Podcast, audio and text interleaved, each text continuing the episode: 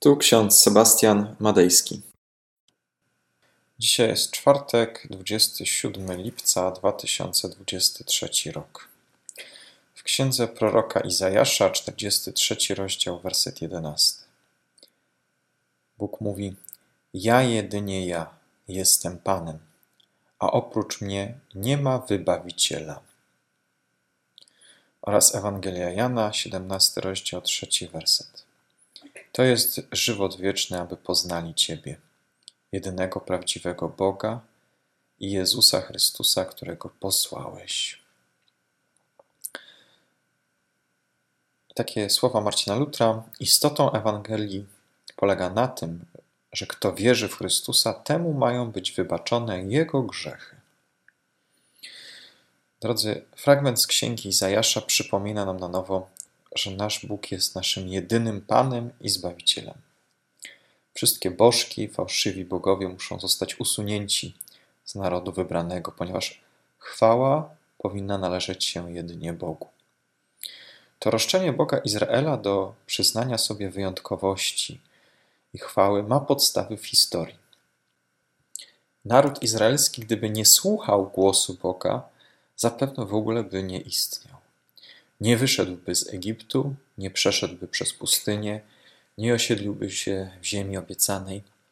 Gdyby nie działanie Boga w historii tych ludzi, to ten naród by w ogóle nie istniał. Żaden inny naród w historii ludzkości nie doświadczył tyle dobra i miłosierdzia ze strony Boga. Żaden inny naród w historii świata nie ma tak dobrze udokumentowanej historii od czasów starożytnych.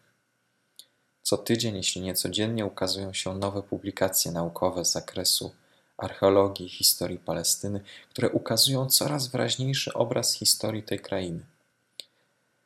Krainy, po której stąpał Chrystus, skąd wywodzi się Pismo Święte i nasza wiara. Jeśli spojrzymy na Biblię, pomijając kontekst historyczny i kulturowy tych wydarzeń, stracimy z oczu ważną kwestię. Mianowicie, że Bóg nie tylko jest Bogiem, który przemawia, ale również i działa w historii świata. Wybawia swoich wybranych, lituje się nad tymi, którzy są krzywdzeni, sprzyja tym, którzy na to całkowicie nie zasługują.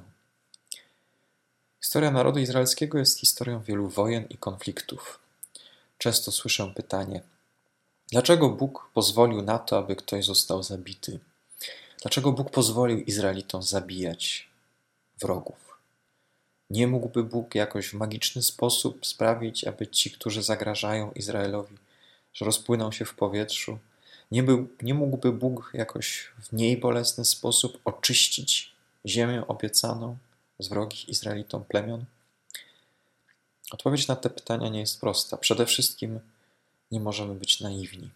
Nie możemy zapominać, że Bóg miłuje każdego człowieka. Bóg nie toleruje grzechu, ale miłuje każdego grzesznika. I po drugie, Bóg działa w świecie nie przy pomocy magii czy zaklęć, ale przy pomocy osób, które mu ufają i wsłuchują się w jego słowo. Tak jak czytamy w liście do Hebrajczyków w czwartym rozdziale, werset 12. Słowo Boże jest żywe i skuteczne, ostrzejsze niż wszelki miecz obosieczny. Biblijni Izraelici Musieli stawiać czoła przeciwnikom i niestety muszą bronić się przed wrogimi wojskami, mimo że byli w mniejszości, mimo że byli słabiej uzbrojeni, mimo że wrogie wojska były o wiele liczniejsze, to Izraelici bronią się przed ich wojskami i obcymi wpływami. Nie były to czasy łatwe.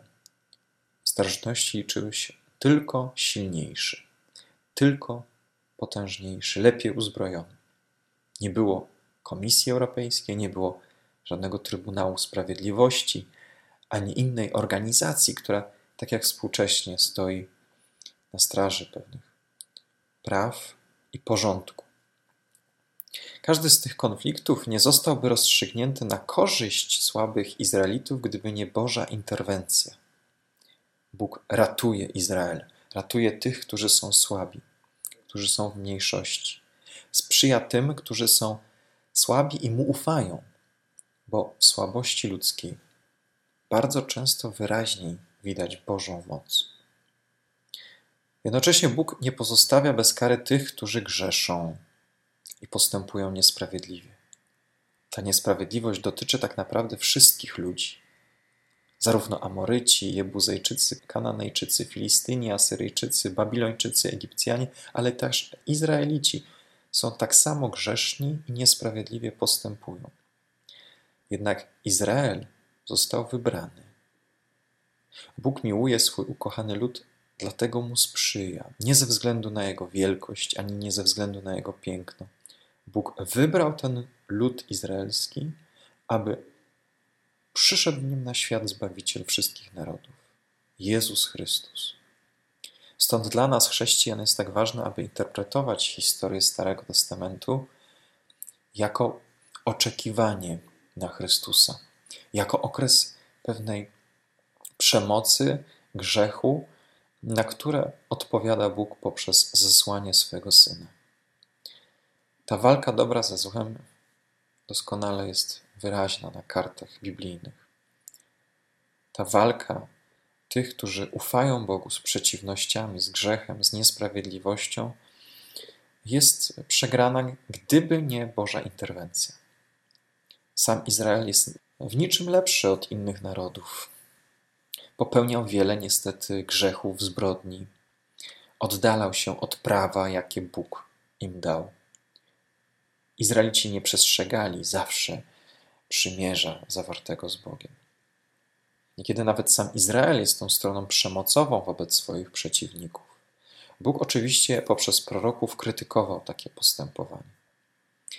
Na tym polega jednak wielkość Boga, że każde zło, jakie sprowadza na ten świat człowiek, Bóg zamienia w dobro. Istotą Ewangelii jest zatem, że każdy, kto wierzy w Jezusa Chrystusa, każdy, kto kieruje się wiarą aktywną w miłości, temu wybaczone są grzechy. W Chrystusie Jezusie nie ma już Izraelity ani Kananejczyka. Nie ma Żyda ani Greka, nie ma Polaka, Ukraińca, Rosjanina. Wszyscy tak samo jesteśmy w Chrystusie Jezusie powołani do wiary do zaniechania przemocy. Wszyscy w Jezusie Chrystusie jesteśmy powołani do dążenia do pokoju. Natomiast każde zło, niesprawiedliwość, jakie Izrael czy też inny naród wniósł na ten świat, zostanie rozpatrzone nie przez ludzi, nie przez taki czy inny ziemski trybunał, lecz przez sąd Chrystusowy. Amen. Pomódlmy się. Panie, modlimy się za tych, którzy pochłonięci są nienawiścią, grzechem, aby poznali Ciebie, jedynego prawdziwego Boga, Jezusa Chrystusa, którego Ty dla nas posłałeś. Zakończ wszelkie konflikty i wojny przy pomocy naszych rąk i naszych słów. Niech one zawsze dążą do pojednania i przebaczenia. Tobie się powierzamy, Wszechmogący Panie i Zbawicielu, jedyny nasz Wybawicielu. Amen. A pokój Boży, który przewyższa wszelki rozum, tak niechaj strzeże serc naszych i myśli naszych w Panu naszym Jezusie Chrystusie ku żywotowi wiecznemu. Amen.